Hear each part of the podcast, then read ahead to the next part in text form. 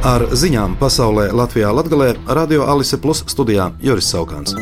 Ukrainas bruņoto spēku virspavēlnieks Valērijas Zalužņīs intervijā žurnālam The Economist atzina, ka tagad karš ar Krieviju pāriet jaunā posmā, kļūstot par pozicionālo karu kā Pirmais pasaules karš, pretstatā manevru karam, kas paredz kustību un ātrumu. Pēc viņa teiktā, Krievijai tas ir izdevīgi, jo ļaus atjaunot militāro spēku, kas savukārt apdraudēs Ukrainas bruņotos spēkus un pašu valsti. Lielbritānijas militārais izlūkdienests savukārt informē, ka Ukrainas triecienu rezultātā Krievijas pretgaisa aizsardzība cietusi nopietnus zaudējumus. Ukrainas avoti arī vēsta, ka Krievijas pretgaisa aizsardzībai nodarīti zaudējumi Krimā. Krievijas karaspēks Ukrainā turpina uzbrukt Avdijivkai un tās flangiem, turpinot 10. oktobrī Krievijas armijas uzsākto uzbrukumu. Krievijas prezidents Vladimirs Putins šodien parakstīja likumu, ar kuru Krievija atceļ vispārējā kodola izmēģinājuma aizlieguma līguma ratifikāciju. Putins jau oktobra sākumā brīdināja, ka Maskava varētu atsaukt 2000. gada lēmumu ratificēt likumprojektu, lai atspoguļotu Amerikas Savienoto Valstu nostāju. Bez Amerikas Savienotajām valstīm šo līgumu vēl joprojām nav ratificējušas arī Ķīna, Indija, Pakistāna, Ziemeļkoreja, Izraela,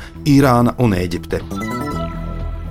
Sēma šodien galīgā lasījumā pieņēma grozījumus ceļu satiksmes likumā. Tie paredz liekt Latvijā uzturēties Krievijā reģistrētiem transporta līdzekļiem. Īpašniekam būs jāreģistrē transporta līdzeklis vai jāizved tas no Latvijas nevēlāk kā līdz nākamā gada 14. februārim. Krievijā reģistrēto transporta līdzekļu izmantošana ceļu satiksmē Latvijā būs pieļaujama, ja persona Latvijas teritoriju šķērsos tranzītā un arī tad tikai vienu reizi.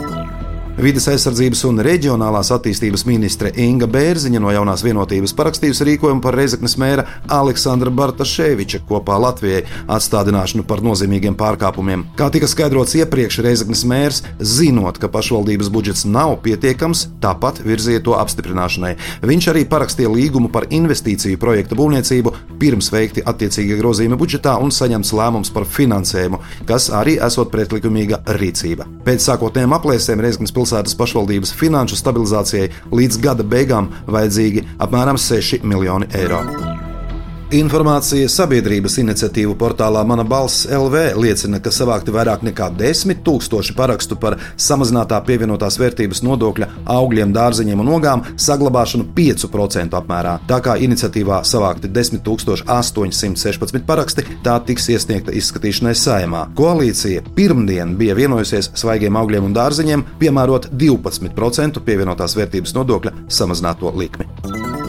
Saima šodien noraidīja Nacionālās apvienības sagatavotos grozījumus kredītiestāžu likumā. Tie paredzēja uzlikt pienākumu bankām sazināties ar klientu, ja tas prasa veikt netipisku vairāk nekā 500 eiro lielu pārskaitījumu uz citu banku. Likumprojekta izstrādes mērķis bija saistīts ar aizvien pieaugušajiem tālruņa un interneta krāpniecības gadījumiem, kad personas zaudē savus iekrājumus.